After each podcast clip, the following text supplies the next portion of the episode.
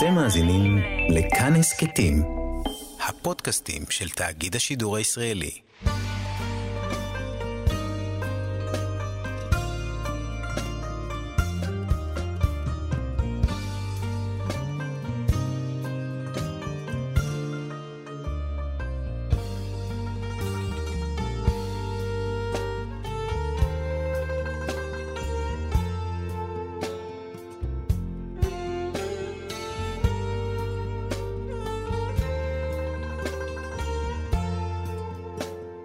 שלום כאן מורשת חברותה לימוד משותף עם רבנים ואנשי חינוך בנושא תנ"ך, הלכה ואמונה. היום אנחנו יודעים הלכה יחד עם הרב רועי מושקוביץ, ראש בית המדרש רואה ישראל הלכה למעשה. כאן ליד המיקרופון ידידיה תנעמי, שלום לך כבוד הרב. שלום וערב טוב רבי ידידיה לך ולכל המשתתפים איתנו. אנחנו רוצים אה, ללמוד היום את ההלכות שעוסקות בעניין מצב של סכנה. אנחנו יודעים שהחיילים נמצאים אה, בשטח, וזה נקרא שעת הסכנה, והשאלה האם במציאות הזאת יש שוני אולי בגישה לעניינים אה, הלכתיים. ואני רוצה לפתוח איתך יחד, הרב, עם אולי המקורות שלנו שמוכרים לנו. אנחנו יודעים ש... יוסף מבקש את בנימין, ויעקב אבינו דואג לבנימין, והוא אומר, אני לא רוצה לשלוח אותו, פן יקרה לו אסון. למה? שהשטן מקטרג בשעת הסכנה. כלומר, יש איזו מציאות אחרת בשעת סכנה שצריך להתייחס למצב הזה. מעניין מאוד, כי למעשה אנחנו יודעים, אה, כאשר אדם עושה את פעולותיו, אנחנו כולנו קראנו פרשת השבוע, וכביכול הפרישות האלה מלוות אותנו ממש עם חיי התקופה, כשאנחנו רואים שאת המהלך של יצחק ורבקה, כאשר נולד להם עשיו, נולדים להם תאומים, עשיו ויעקב, ובעצם יעקב כביכול נמצא בסוג של, כן, לא, לא נשמע, אבל זה המציאות סוג של סכנה שלא נדע תמידית. כאשר בא עשיו הרשע ורוצה פשוט אה, לגרום לו שהוא לא יקבל את הברכות, הוא לא יקבל המשכיות, וכל מה שהוא רוצה, רק להרע ליעקב. עד כדי כך, שאם הייתי שואל איזה חידה את המאזינים, את המשתתפים, לשאול אותם שאלה כזאת מעניינת, מי אותו אדם שכאשר הוא חי הוא מת, וכאשר הוא מת הוא חי, אז התשובה המעניינת היא כמובן יעקב. כמו שהגמרא כבר מזכירה, שיעקב אבינו, אה, אומרת הגמרא, יעקב אבינו לא מת, שהגמרא איך לא מת, הרי ספדו אותו וחנתו אותו וקברו אותו, אלא מה, זרעו בחייו, מה זרעו חי וקיים, גם הוא חי וקיים. זה כאשר הוא מת, הוא בעצם חי. אבל לפני זה, כאשר קראנו פרשה האחרונה, מתנחם, מי מתנחם? עשיו הרשע מתנחם להורגו, מתנחם להורגו עד כדי כך. אז מה הפירוש מתנחם להורגו? מה זה לשון הזה מתנחם? מה זה המשפט הזה? מתנחם עליו להורגו. אה, וזה מאוד מעניין. אז אומר רש"י הקדוש, משפט שלא נתפס. פירוש הראשון, ניחם על האחווה. לחשוב מחשבה אחרת, להתנכר, להרוג את יעקב, טוב, הוא מדבר כביכול על האחווה שביניהם ורוצה להרוג. מדרש אגדה, כבר אתה מת בעיניו ושתה עליך כוס של תנחומים. Mm-hmm. זה לא נתפס במוח האנושי. מבחינת עשיו, כבר יעקב זהו, כבר לא קיים. כבר שתה עליו כוס התנחומים. ולכן חשבתי, על לעניות דעתי לומר, שזאת הסיבה שאנחנו אומרים יעקב אבינו לא מת. למה דווקא יעקב אבינו? כל הצדיקים במדינתם מקרים חיים. אלא הפירוש הוא, התורה הקדושה אומרת לך, תראה מה עשיו חשב, מה באמת התרחש. עשיו, כאשר יעקב עוד חי, הוא חושב שהוא מת מבחינתו. אבל התורה מעידה שגם אחרי המאה ה-47 שנים של יעקב הוא עדיין חי, ועשיו לא הצליח. אם כן, יעקב נמצא בעצם במצב של כביכול סכנה ממי? לא נגיד מאיזה אויב חיצוני, ממישהו, ממישהו מחוץ למדינה, שמנסה לפלוש, מהחמאס, מאיראן, מהחות'ים, לא. ממישהו גדל איתו ביחד באותו בטן, באותו רחם. מעשו אחיו, כמו שהבאנו את הפירוש הראשון, מתנחם עליך, ניחם על האחווה, זה אח שלו. לא אח שלו סתם, אלא מה הוא היה בשבילו? תהום. זה התהום שלו. אנחנו יודעים, התאומים מגישים אחד לשני, קרובים אחד לשני. ודווקא מהתהום שלו, הגדול ממנו, ממנו כביכול, הוא צריך כביכול לפחד, הוא לא מפחד כמובן, אבל הוא רוצה להרוג אותו. עד כדי שחכמים באים וקובעים הלכה בידוע, עשו שונא ליעקב. זה מציאות כזאת. עשו שונא ליעקב. עשו שונא ליעקב, זו אותה שנאה שירדה במעמד הר סיני, כמו שכתוב למה נקרא שמו כך, המעיד על השנאה, אבל זה בעצם התחיל כבר לפני, התחיל עכשיו בפרשיות שלנו, שעשו שונא את יעקב. למה הוא שונא אותו? יש איזו סיבה? הרי אתה בעצמך מכרת לו את הבכורה, והרווחת נגד איזה שים. מה אתה שונא אותו? אלא מה?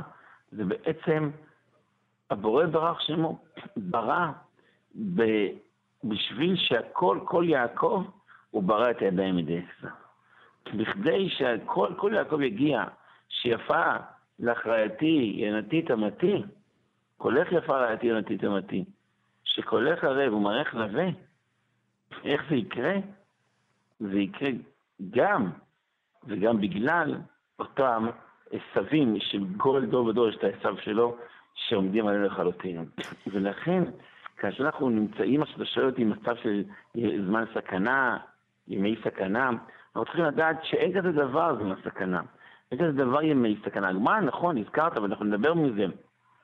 אבל אנחנו, המהות של העם היהודי, המהות של יעקב אבינו, המהות של יעקב, כמו שכתוב, כי שרית עם אלוהים ותוכל.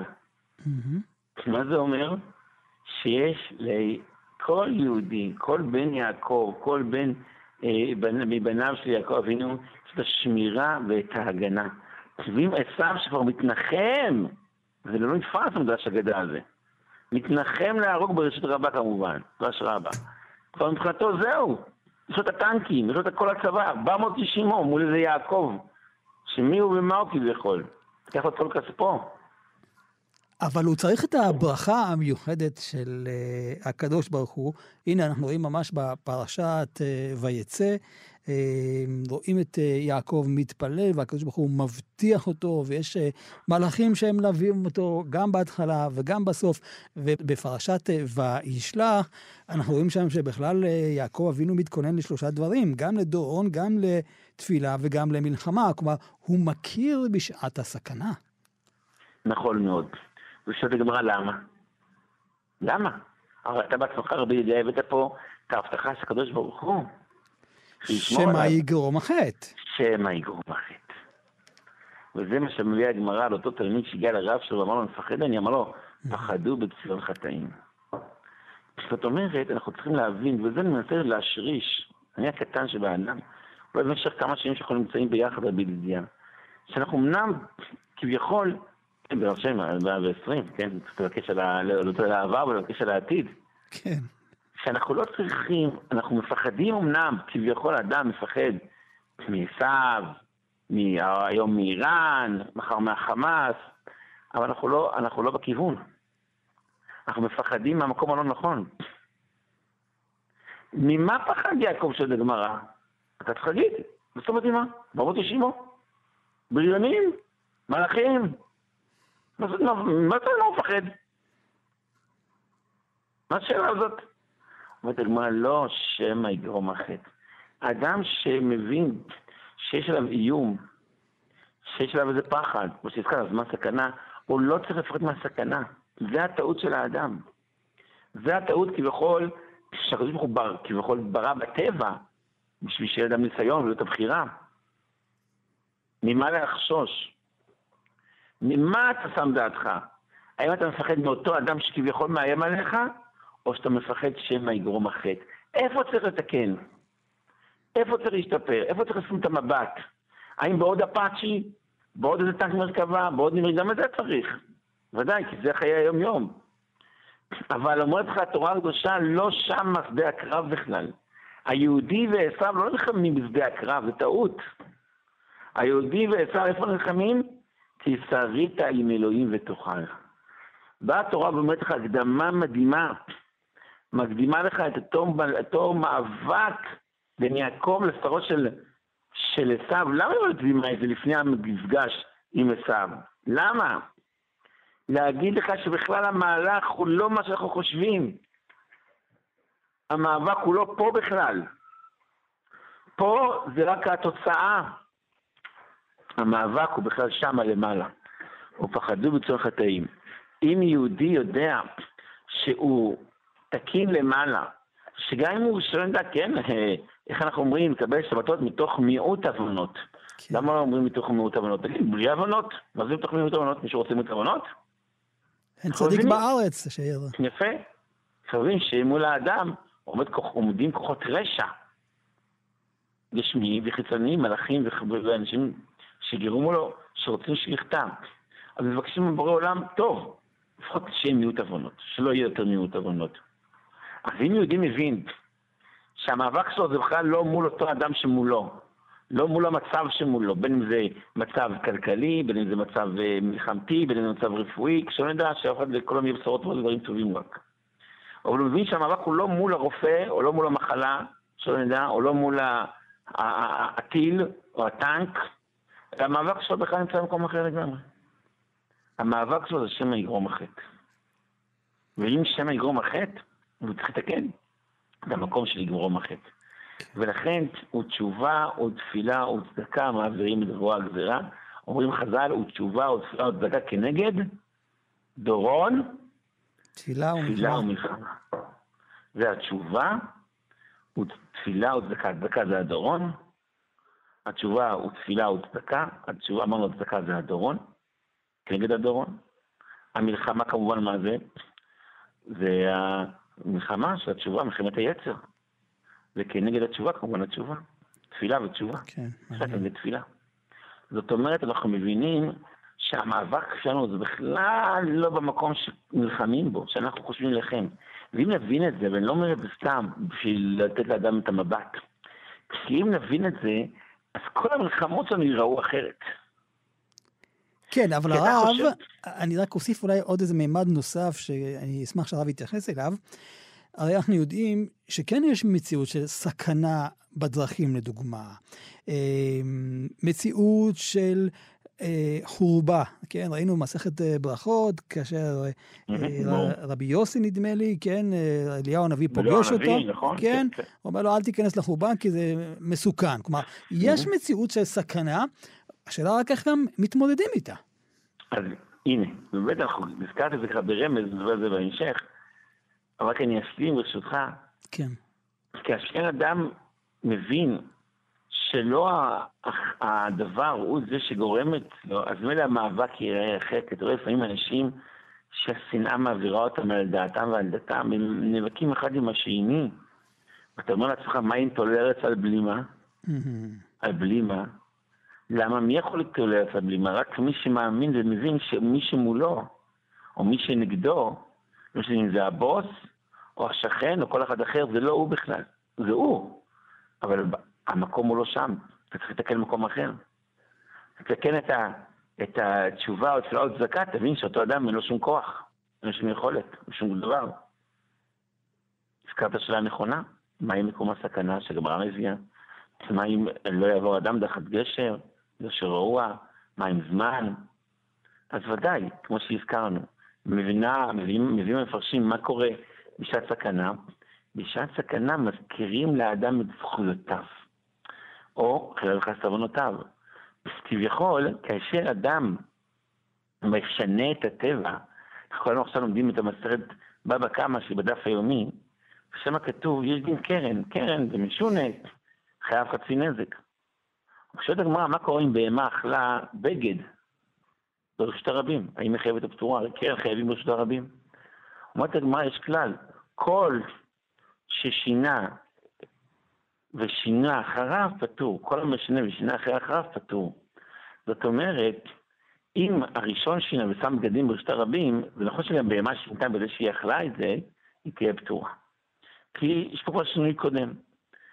וממילא, כאשר אנחנו מבינים את המהלך הזה, אז כאשר אדם מגיע ואומר, לא, הוא לא ייפגע, הוא ייכנס למקום סכנה, בצורה שהיא לא בטיחותית, הוא בטוח שלא ייפגע, זאת אומרת, אם אתה בטוח בזכויות שלך, בוא נבדוק שזה באמת ראוי לכך. לכן אומרים לך, רגע, תירגע, לפני שנכנס למקום סכנה, אל תיקח סיכון. כי אתה יכול חלילה וחס להיפגע. כי אם אתה בטוח בעצמך בזה שאתה תיכנס למקום סכנה ותצא לשלם, צריך לבדוק למה ומדוע. כן. האם את הזכויות האלה מגיעות לך. זה מזכיר לנו קצת בזעיר אנפין את אותם תנאים שהגיעו לפרדס, ולא כל אחד זכה לצאת כאשר הוא אה, הגיע באותו רמה. אחד נפגע, השני הציץ, השני... כמובן. אבל עד שאתה מגיע לפרדס, בוא נלך על אה, אולי דברים יותר פשוטים. יש את הדין של שלוחי מצווה אינם אה, ניזוקין. או. למה? זה קורה כי בעצם הם הולכים ועסוקים בזכות, בדיוק. זאת אומרת, יש להם את המעטפת, הגנה. את המעטפת של הבורא יתברך שמו. כיפת ברזל של הקדוש ברוך הוא. נכון, כיפת, כיפה של ברזל, כן. זאת אומרת, אנחנו מבינים שלא, כמו שכבר אמר חנינא- רבי חנינא בן דוסה, לא אהרוד מרמית כי ימחץ ממית. זאת אומרת, אנחנו מבינים שעצם החשש של מקום הסכנה הוא חשש אמיתי. אין לנו מה לזלזל בו. אבל שוב, לא המקום הסכנה הוא המסוכן. כמו שכבר כבר מזכירה, בתור המורה שנכנס והיה בתוך, והיה לו 400 חביות. ואמרו לו, רגע, הבניין הולך לקרוס. אז הוא קרא לחבר של המורה, הוא ישב איתו ביחד, למד איתו תורה, בינתיים פינו את כל ה-400 חביות, יצאו, הבניין קרס. למה? מדוע? כי הזכות שהתורה הקדושה שמרה שהבניין לא יקרוס. איך זה יכול להיות? הבניין, הבניין הוא במקום סכנה. זה נכון, אבל לא המקום הסכנה הוא פוגע, זה צריך להבין את זה. אנחנו צריכים להכיל את זה כי אנחנו מבינים שאנחנו בני יעקב. זאת אומרת, לא הייתי אומר את זה לשני הודים, או לסיני ואחד מטיוואן שמדברים ביניהם. לא הייתי אומר, תשמרו, תיזהרו, באמת, אם אתם עושים כאלה פעולות. אבל יהודי מבין שכל המהות שלו בעצם זה מקום סכנה. אם אנחנו ננתח את ארץ ישראל, המקום שאנחנו נמצאים בה, על פניו זה המקום אולי, שלא יודע, המקום המסוכן ביותר בעולם. כולם יודעים שהאיראנים מכוונים את הטילים שלהם באופן קבוע. שאם בטעות יעוף את הטיל, הוא יעוף את כיוון ישראל. דברים מפורסמים, זה לא איזה סודות שב"כ כמו מוסד. זאת אומרת, המקום המסוכן שלא יודע בעולם, עם כמות הטילים המכוונים לאותו מקום, זה ארץ ישראל. טוב, אנחנו הרי? מובטחים, יפול אז מצלך? אלף ובא מימינך, ואליך לא ייגש. נכון מאוד. זאת אומרת, יש לנו הבטחה מהבורא יתברך שמו, שאנחנו נמצאים בכזאת סיטואציה של שמירה. ולמה יש לנו את השמירה? כי אנחנו מקבלים את אותה שמירה שקיבל יעקב אבינו. יעקב אבינו, כמו שהזכרת, אמנם קיבל את, אמנם, זאת אומרת, בוודאי שהוא קיבל את הברכה של הבורא יתברך שמו, אבל לפני זה, הוא קיבל את הברכה של יצחק אבינו. כמו שאנחנו יודעים, שקראנו עכשיו פרשת השבוע, ויתן לך אלוהים מטר השמיים משמני הארץ, ורוב דגן ותירוש. אז זה נכון שהיה לסוג של טעות בין יצחק, אה, בהתחלה כביכול שיצחק חשב שזה בכלל עשיו, אז לכאורה זו ברכה שבטעות. אומרת הגמרא, בסוף אמר יצחק גם ברוך ברוך יהיה." הוא, יפה מאוד. זאת אומרת, יצחק הש- הבין והשלים עם ההבנה הפשוטה שיעקב הוא זה שצריך לקבל את הברכות. וזה לא רק באופן המיסטי הרוחני, אלא באופן הכי הכי פרקטי. כי כאשר מגיע יעקב, הוא מריח ריח גן עדן. כאשר מגיע עשיו, הוא מגיע, מריח את פתח, הוא רואה את פתח גיהינום. למה זה? מה, ליצחק אבינו היה ריח מיוחד באף? ריח שאנשים לא מריחים? אבל התשובה היא, התשובה היא פשוטה וברורה. הריח זה המציאות של המעשים של הבן אדם. אומר רבי סקרוב, אם לנו היה עיניים טהורות יותר, היינו יכולים לראות מי טהור או מי טמא. עד כדי כך. כי יש אור מקיף סביב כל אדם, והאור המקיף הזה הוא אור שנוצר על ידי מצווה או חלילה וחס, הוא נהפך אחרת אם אדם עושה עבירה. וזה מה שכתוב, מצווה גוררת מצווה ועבירה גוררת עבירה. זאת אומרת, מבחינתנו, אנחנו מבינים שאם יהודי רוצה שתהיה לו את השמירה, את מלאכי השרת שישמרו עליו, אז הוא צריך לגרום לכך שלא יהיה את החשש ששמא ייגרם, שמא יגרום החטא. וזה הוא יכול לעשות על ידי תשובה, תפילה וצדקה, שזה בעצם דורון, מלחמה וגם כמובן תפילה. חברותה עם ידידיה תנעמי חברותה כאן אה, במורשת, ואנחנו אה, לומדים את העניין של אה, ההלכה בשעת הסכנה, יחד איתך הרב רועי מושקוביץ, והתחלנו ככה להבין ש... בעיקרון אסור להיכנס לעניין של מקום אה, סכנה, כפי שראינו את רבי יוסי בחורבה, יחד עם אליהו הנביא שפגש אותו, אבל כשמדובר בעניין של מצווה, כאן אה, הדין הוא אחר. וצריך לברר את העניין הזה, מה הרעיון שבעצם אני בא ופוטר אדם שהוא עסוק במצווה ממצווה אחרת, לדוגמה. נכון מאוד. כי בעצם, כמו שאתה הזכרת, זה נכון שהתחלנו עם נושא של סכנה, אבל בעצם הבנו בחלק הראשון של השיעור שהסכנה והברכה והכל מגיע מאיתו יתברך שמו, והכל זה פר מעשיו של האדם. ולכן האדם, החובה שלו זה להיזהר ולהישמר מהחטא, ואדרבה, להרבות בתורה ומצוות, כמו שכבר הגמרא מביאה, מה יעשה אדם וינצל יחווה משיח? לעסוק בתורה ובגנות חסדים. עכשיו אנחנו מבינים שיש לנו כמה כללים, כביכול כללים בבריאה.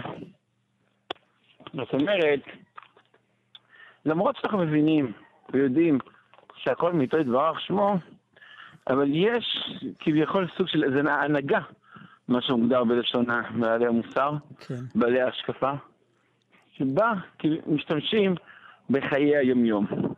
אמנם לישראל מעל המזל, ואין מזל של בישראל ויעקב, אבל עדיין יש סוג של הנהגה מסוימת. כמו שהזכרת, אחת ההנהגות המצויות המפורסמות במשניות, בגמרא ובמדרש, זה הכלל של שלוחי מצווה אינם ניזוקים. ופה אנחנו צריכים להבין מה ההגדרה, מה ההבנה של שלוחי מצווה שאינם ניזוקים, וגם מאיזה שלב. של הפעולה הם אינם מזוכים. יש הרי איזה מנהג שהיום אנשים נוהגים לעצמם לפני שהם עולים במטוס ופעולות כאלה, הם שליחים של לעשות חסד. לוקחים ממישהו צדקה בשביל להעביר למאן דהוא או איזה חסד אחר. ככה הם מכניסים את עצמם תחת המטריה של שליחי מצווה. של שליחי מצווה. וגם מכירים את המשנה, מסרת סוכה, ששלוחי מצווה פטורים מן הסוכה, הולכי דרכים, פטורים מהמצווה, עוסק במצווה, פטור מן המצווה. וזאת למה? אנחנו יודעים שיש לנו גמרא מפורשת שמחלקת בין לימוד תורה לבין שמירת וקיום מצווה. מצווה בשעתה מגינה. לימוד תורה, מגנה ומצלה, בין בשעתה ובין שלא בשעתה. זאת אומרת, אנחנו מבינים ורואים שיש מספר הנהגות מיוחדות שהן כביכול כאין שמירה מיוחדת על האדם ברמה כזאת שאם הוא מכניס את עצמו למצב של הולכי דרכים, והרי אמרנו שכל הדרכים, כל הדרכים, והגמרא מחלוקת, האם כל הדרכים או לא, זה נפקא האם אנחנו מברכים הגומל הכל נסיעה או רק נסיעה מסוימת, אבל הולכי דרכים, והדרכים בחזקת סכנה. ועד כמה שבחזקת סכנה, אז ממילא כשמירה מפני הסכנה, כמו שהזכרנו, כי הסכנה, הרי מה זה סכנה בעצם? לא שהחפץ עצמו מסוכן, לא שנסיעה היא מסוכנת, אלא זה מזכיר את הזכויות של האדם או את ההבנות שלו, אז בשביל שיהיה לו באותה שעה של כביכול פשפוש ומשפוש במעשיו, יהיה לו מיד את, את אותו ג'וקר, אותו מעלה, אותה מצווה שתגן עליו ותזכיר, הנה, הבן אדם הזה, הוא עסוק כאלה מצווה, אז בוודאי שיש לו את הזכות הזאתי שהיא תשמור עליו ותצא עליו מפני הצרה. כי המצווה, בשעתה, גם היא יכולה, יש לה הכוח להגן. ולכן אנחנו נכנסים תחת המטריה של המצווה. כנ"ל אנחנו יודעים, ש... ואפילו גדול מזה, זה לימוד תורה, שתורה מגינה בשעתה ושלא בשעתה. גם בזמן שהוא זמן שכביכול, לא, זה לא זמן, המלח... לא זמן לימוד התורה, אבל כיוון שאותו אדם הוא שקוע בלימוד התורה. והמהות של שקיעות בלימוד התורה, אנחנו צריכים לדעת שזה, כל לימוד תורה הוא דבר חשוב, אבל כמובן, כשאנחנו מדברים על התורה הקדושה, זה שהיא תופסת את האדם בכל רמ"ח איבריו ושסה גידיו. כל כולו שקוע בלימוד התורה, זה כביכול מכניס אותו לתוך אש של התורה, שהיא אש לבנה לגבי אש שחורה. רק ככה, רק בצורה הזאת, התורה יש לה את האפשרות להגן לא רק בזמן שהוא לומד את התורה לבושה, אלא בכל השעה, בכל הזמן, גם כשהפסיק ברגע ללמוד, יש כוח לתורה להגן מפני אותה, אה, אותו נזק וכדומה, כן. כי כביכול הוא מכניס עצמו למקום אחר של לימוד, מקום אחר של חיים, אווירה אחרת לגמרי, ששם הסתכלות היא שונה מאשר שהסכים על האדם. אתה רואה את זה בחוש, כמו שהגיע אותו אה, אה, יהודי אה, כרב שטיימן, ואמר לו, איך זה יכול להיות שהוא עובד לפרנסתו, משתכר, משתכר יפה, ועדיין אין לו דירה משלו. והוא רואה את השכן שלו, שהוא אברך, יושב לו לתורה. הוא חי בדירה משלו, גר, הוא אומר, יש לו מרפסת, יש לו ספה, והבן אדם שעובד, פרנסתו, כל שנה, שנתיים הוא צריך ללכת ולעבור דירה, בגלל שאין לו, אה, נגמר לו השכירות, הוא שואל אותו איך זה יכול להיות, משהו פה לא מסתדר מבחינה מתמטית. אמר לו, ענה לו הגאון הגדול, פרימן, ואמר לו, נכון, תלוי תחת איזה מטריה אתה נמצא, אתה נמצא. כאשר אתה הולך בדרך של ההנהגה הטבעית, הטבעית, בשביל דירה, שתי מיליון שקל, שתי מיליון שקל, אז זה היה שתי מיליון לכל יותר. אתה צריך לקחת ככה משכורות, משכנתה, אתה צריך מינימום של 30-40 אחוז, נו, אז איך אתה רוצה? אתה צריך גם לשלם שכירות, צריך גם לשלם אה, המחיה, אז איך אתה רוצה? נו, אז במובן שאתה לא תקבל, לא יהיה לך עכשיו את האפשרות בשלב הנוכחי לקנות דירה, אבל כאשר אתה נמצא במטריה אחרת לגמרי, אתה בכלל לא נמצא דרך ההנהגה הטבעית. אתה נמצא דרך ההנהגה של הבורא יתברך שמו. אתה יכול לומר, אני, הוא מנותק, הוא מנותק עליהם שאר דברים גם הטבעיים. אין לו את הוואטסאפ, אין לו את הטלפון, אין את הדברים האחרים שלכולם יש, שכולם בתוך הטבע כביכול חיים עם ההשתלדות שלהם, השתלדנות. הוא הולך עם מהלך אחר, מהלך של התורה, של הקדושה, של בורא עולם. אז אם זה המהלך שלך, אז ברור שההנהגה היא אחרת. אז אתה יכול גם במשכורת רעב, כביכול, ללכת ולהשיג, אז בצורה הזאת, בצורה אחרת, ולגור בדירה משלך.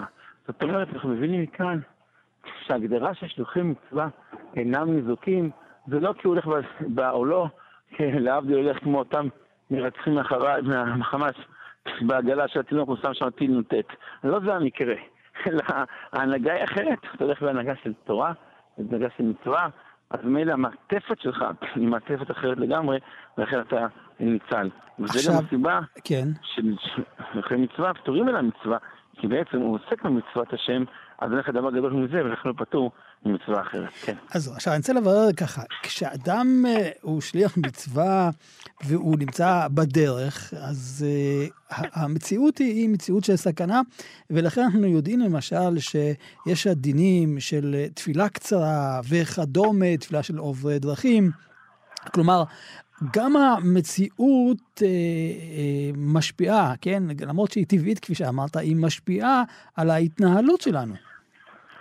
זה נכון באותה מידה שאנחנו מבינים ויודעים שאותו אדם מחויב בדרך. כן. זאת אומרת, כאשר יש לנו פטורים מיוחדים לאותם ערכי דרכים, כן. זה לא פטור בגלל, בגלל שכביכול אותו אדם הוא נמצא בשעת סכנה, אז הוא פטור מדברים מסוימים. אלא הסיבה היא כמובן בגלל שמירת הגוף והנפש של אותו אדם. אנחנו מבינים אני אסביר את דבריי. הסכנה זה לא פטור במצווה, אלא הסכנה גורמת לכך שיש דבר אחר יותר חשוב שהוא מתגבר ודוחה את המצווה ליתתה. וזה לנו בעת נפקא מינה, מה קורה? אדם שלח בדרך, כמו שהזכרת, התפלל תפילה קצרה, או ספקה ברכת המזון מקוצרת, או שאר דברים. מה קורה אחר מכן, כאשר הוא הגיע לביתו, ועדיין נמצא בתוך זמן תפילה. האם הוא צריך לחזור? לרוב הפוסקים ודאי. הוא חייב להתפלל כראוי. למה? כי זה לא פטור במצווה. זה לא אה, מצב שאתה אומר, זה לעומת זה. אז בכזה מצב, אה, אה, הדין שלו של תפילה קצרה. אלא זה כביכול בשביל שיוכל לגרום שגם בשעת אותו מצב שנמצא, גם יהיה מחובר באיזו רמה מסוימת, אז לכן אומרים לו, לפחות תתפלל תפילה קצרה, לפחות תערער בדברי תורה וכדומה. זאת אומרת, אנחנו מבינים שזה לא פטור, אלא שזה השלמה עם מוצרו של האדם, וכמו שכיוון שעכשיו אין לו אפשרות, אז תעשה את הדבר המינימלי שאפשר לעשות. מה שאין כן, לעומת זאת, אה, פועלים, לדוגמה, שהם אה, נמצאים בראש האילן וכדומה, שהם מתפעלים תפילה קצרה, שם זה קצת שונה, שזה צורת התקנה באותו זמן, ואז הם לא יצטרכו לצלם. כדי שהם לא יגזלו את בעל הבית שם. נכון מאוד. ולכן הפטור של שעת הסכנה זה אה, לא פטור במצווה, אלא זה, זה התחשבות במצב הנוכחי, ולכן בקצה מצב אתה לא יכול להתפלל, אז לפחות תתפלל משהו קצר. אבל עדיין, כשתוכל להגיע לזמן אחר, לזמן רגוע, אז ודאי שיש לך חובה. כנ"ל, אנחנו מבינים טוב מאוד, לפי הסבורה הזאת, למה לאדם אסור להכניס את עצמו לשעת סכנה. הוא לא יכול להגיד, טוב, הוא עכשיו, קראו לו מראש, אם ידעת... כי הוא פוצר את עצמך עכשיו, כן. יפה מאוד. אתה צריך להתפלל מראש, אם זה היה פטור, בסדר, אז עכשיו הוא פטור. אבל להיות זה לא פטור בעצם, זה רק מצב, אז לכן חובה על האדם לא להגיע למצב הזה. חובה עליו מראש, כאשר הוא מתחיל את המצווה, לקראת המצווה מראש, ולקיים אותה בשלמות. חברותה עם ידידיה תנעמי חברותה בהלכה כאן אה, במורשת יחד עם הרב רועי מושקוביץ, וברשותך הרב, אה, אולי אה, נוריד את זה ככה לפסים מעשיים, כיוון שיש לנו חיילים בשטח, אנשי כיתת כוננות וכדומה, וממילא הם נתקלים באמת בשאלות מעשיות לגבי זמן תפילה, לגבי אורך תפילה, לגבי אפילו דברים פשוטים של נטילת ידיים, שלפעמים אין בשטח נטלה. איך קודם כל ניגשים לסוגיה הזאת, ואולי ניקח כמה דוגמאות להלכה. וזה שאלה מאוד מעשית ומעניינת עכשיו, במיוחד עכשיו, שאנשים, הרבה אנשים יוצאים מחוץ לבתים שלהם, אנשים יחזרו בשלום, וכמובן שאנחנו מאחלים גם את המתפללים, ההחלמה. הבקשה, היא יודעת כמה יש לה את הכוח, אבל התפילה שכל יהודי, בכל זמן, בכל שעה, ובאמת ראוי שכל אדם שמתפלל, גם בתפילת שמונה עשרה האישית שלו, שיוסיף בשמו קולנו, או בתחנונים בלוקי נאסור, אה, בקשה מיוחדת לאותם אנשים, אה, חיילים ואנשים אחרים שנמצאים אה, בשדה הקרב, בעז השם, שיחזרו בשלום, וכמובן לא ייפגעו. אנחנו רואים שכמעט, כן, לצערנו מה שקורה, במצב שלמרות שיש כביכול הצלחה, ברוך השם, כלפי הצד שכנגד, אבל אנחנו לא מחפשים את ההצלחה הזאת, אנחנו צריכים שיהיה שקט. והמטרה שלנו כמובן שהיהודים שלנו יחזרו בשלום ויהיו בריאים וחזקים. אז לכן ראוי שכל אחד יתפלל ויבקש בשבילם כמו שהוא מבקש בשביל עצמו, כי בעצם כלול ישראל ערבים. וזה לא משנה אם אותו אדם שומר תורה מצוות או לא שומר תורה מצוות, זה לא רלוונטי עכשיו במצב הנוכחי, כי כל ישראל זה איבר אחד, זה גוף אחד, עם הרבה איברים, אז אם איבר אחד הוא פחות טוב ויותר טוב, אף אחד לא יוותר על האיבר הזה, כן? אז כל שכן במקרה הזה, שיש חובה, חובה ממש שכל אחד ואחד להשתתף, להיות נושא, לא עם חברו, כאשר אנחנו יודעים שיש יהודים מבינינו, שילדים שלהם נמצאים בשדה הקרב וחוששים מאוד מה יקרה ומה יהיה איתם, אז uh, ודאי שיש צורך ללכת ולהתפלל עליהם, לבקש עליהם ולעשות, uh, כמו שקראנו, מצוות, עם תורה. כל מה שאפשר לתת להם מעטפות וחבילות של זכויות שיגנו עליהם. בפועל, הלכה למעשה, צריך להתנהג לגבי תפילה, לגבי תפילין, לגבי ציצית, אנחנו יודעים עכשיו זה פופולרי, לגבי נטלה הזכרת, אז אנחנו צריכים לדעת שפיקוח נפש דוחה את אה, כל התורה כולה. במקרה הזה, למרות שכביכול אנחנו נכנסים לפיקוח, כן, אדם נכנס למקום הזה, זה לא שבאים להתקיף אותו, אבל עד כמה שזה הצורך של הבא להורגך השכם להורגו, על בסיס זה אנחנו מתקיימים ובעצם יוצאים למלחמה, אז ממילא אין לך פיקוח נפש גדול מזה. ולכן, במקרה הזה, כל מה שיכול להזיק לפיקוח נפש, חלילה וחס, או לגרום למצב של אה, סכנה, פטורים, ממש פטור מעיקר הדין. מעיקר הדין פטור, ואי אפשר לחייב אה, אה, אה, שום דבר. אין ידיים, אין תפילה, אין תפילין. אין, אין, אין מקום לבוא ולהדר? אם חייל, למשל, להדר. צריך לבוא, נגיד, ולצאת איזה משימה, שיקום עשר דקות לפני כן. אה, זה מצוין, אם יש אפשרות. ודאי שאם יש אפשרות, אנחנו נגיע לזה. אבל ככל שהשאול נמצא בשדה הקרב, והוא פתאום אומר, רגע, אני, הראש שלו נמצא עכשיו בתפילין, mm-hmm. הראש שלו נמצא בטליק, זה דבר חשוב שהראש נמצא שם במוח, במחשבה, אבל אם בגלל זה הוא צריך לבצע עוד פרסה, עוד נסיעה, וחלילה זה יכול לגרום לזה לבוא לידי נזק, אפילו ספק בכוח נפש, אז זה לא שייך, זה לא שייך, ולכן אה, אה, אה, זה לא כן. פתור. אבל, כמו שהזכרת, כמו שהזכרת, חכם עיניו בראשו. וכמו שדיברנו מקודם, זה לא שזה פטור כביכול הוא... גורף, זה כן. זה מצב, זה מצב, זה לא שהוא יוצא ידי חובה של תפילין וזה שהוא נלחם, אלא הוא פטור, זאת אומרת, אותו זמן זה המצב. אז כמה שזה המצב, אם הוא יכול להגיע למצב שהוא אה, קיים את המצווה ללא קשר לפיקוח הנפש, אז ודאי שיש צורך ויש חשיבות ויש עניין כן. אה, לקיים את המצוות, כי אנחנו יודעים, כמו שהזכרנו, אין אה, כוח... זה הזכויות.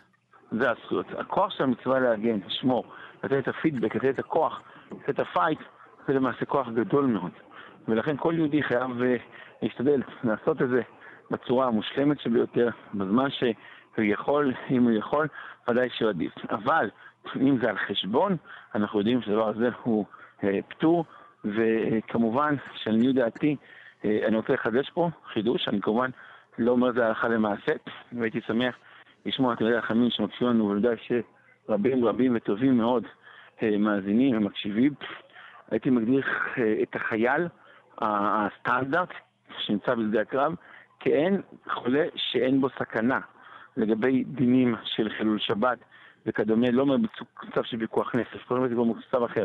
מצב סטנדרט שאדם שנמצא בשדה הקרב, אה, ולמשל הלכות שבת, מה מותר לחייל, מה אסור לחייל וכדומה, זה מוגדר כאין חולה שבו סכנה, כי יש סוג של מוגבלות מסוימת מבחינה אה, מעשית, איך להתנהג ואיך לנוע, ולכן זה לא גורע עם אותם אנשים שמוגדרים, שלמרות שהם לא חולים, הם מוגדרים כן, כחולה שבו סכנה, אה, ולכן יהיה לו הרבה היתרים מסוימים שאנחנו נתיר להם, אם זה לבשל וכדומה בשבת על ידי גוי או בשינוי או בכל מיני מצבים כאלה, אה, יהיה, לעניות דעתי, זה היה המצב ההלכתי שלהם. למרות שבשעת אה, ממש לחימה, אז אולי אפשר כן לא להגדיר את זה. זהו, כן, לא, לא שייך. לא שייך, אמרתי, אמרתי. אם עד כן. כמה שהוא פיקוח נפש זה גדר אחר. אמרתי לא על פיקוח נפש, דיברתי על המסביב, על המעטפת, אותם אנשים כן. שנמצאים שם, ולא עכשיו נמצאים בזמן מלחמה ממש, אלא כמו שהגדרת לפני ואחרי, נמצאים בתוך העוטף, נמצאים באיקון, אה, אבל לא נלחמים ממש, זה מצב, אז זה הסתר אחר. ולכן ככה צריך להתייחס אליהם לעניות דעתי, כמובן שיש מקום להגדיר את ההלכה ולפרט אותה הלכה למעשה, אה, אבל עד כמה שאנחנו מתפללים ומבקשים שקדוש ברוך הוא ינחה אותם בדרך הישרה והטובה, אז אין לך אה, מצווה גדולה מזה של, אה, של כאשר אנחנו יוצאים, ממש, ויצא יעקב, ויצא יעקב מבאר שבע, ולך רן, אדם עטף לנו עכשיו, אנחנו מבקשים ומתפללים שאותם מלאכי אלוהים שעולים ויורדים בו, ימשיכו ללוות את עם ישראל אומנם הם ירדו לעזה, אבל ירדו משם, צריך לשב בכוח גדול ובתשובה גדולה. לבניין בית המקדש במהרה בימינו אמן. אמן כן יהי רצון. תודה רבה לך, הרב רועי מושקוביץ, ראש בית המדרש, רואה ישראל הלכה למעשה. כאן, ידידיה תנעמי, אנחנו עוד נשוב וניפגש בחברותה הבאה, בעזרת השם. אתם מאזינים לכאן הסכתים, הפודקאסטים של תאגיד השידור הישראלי.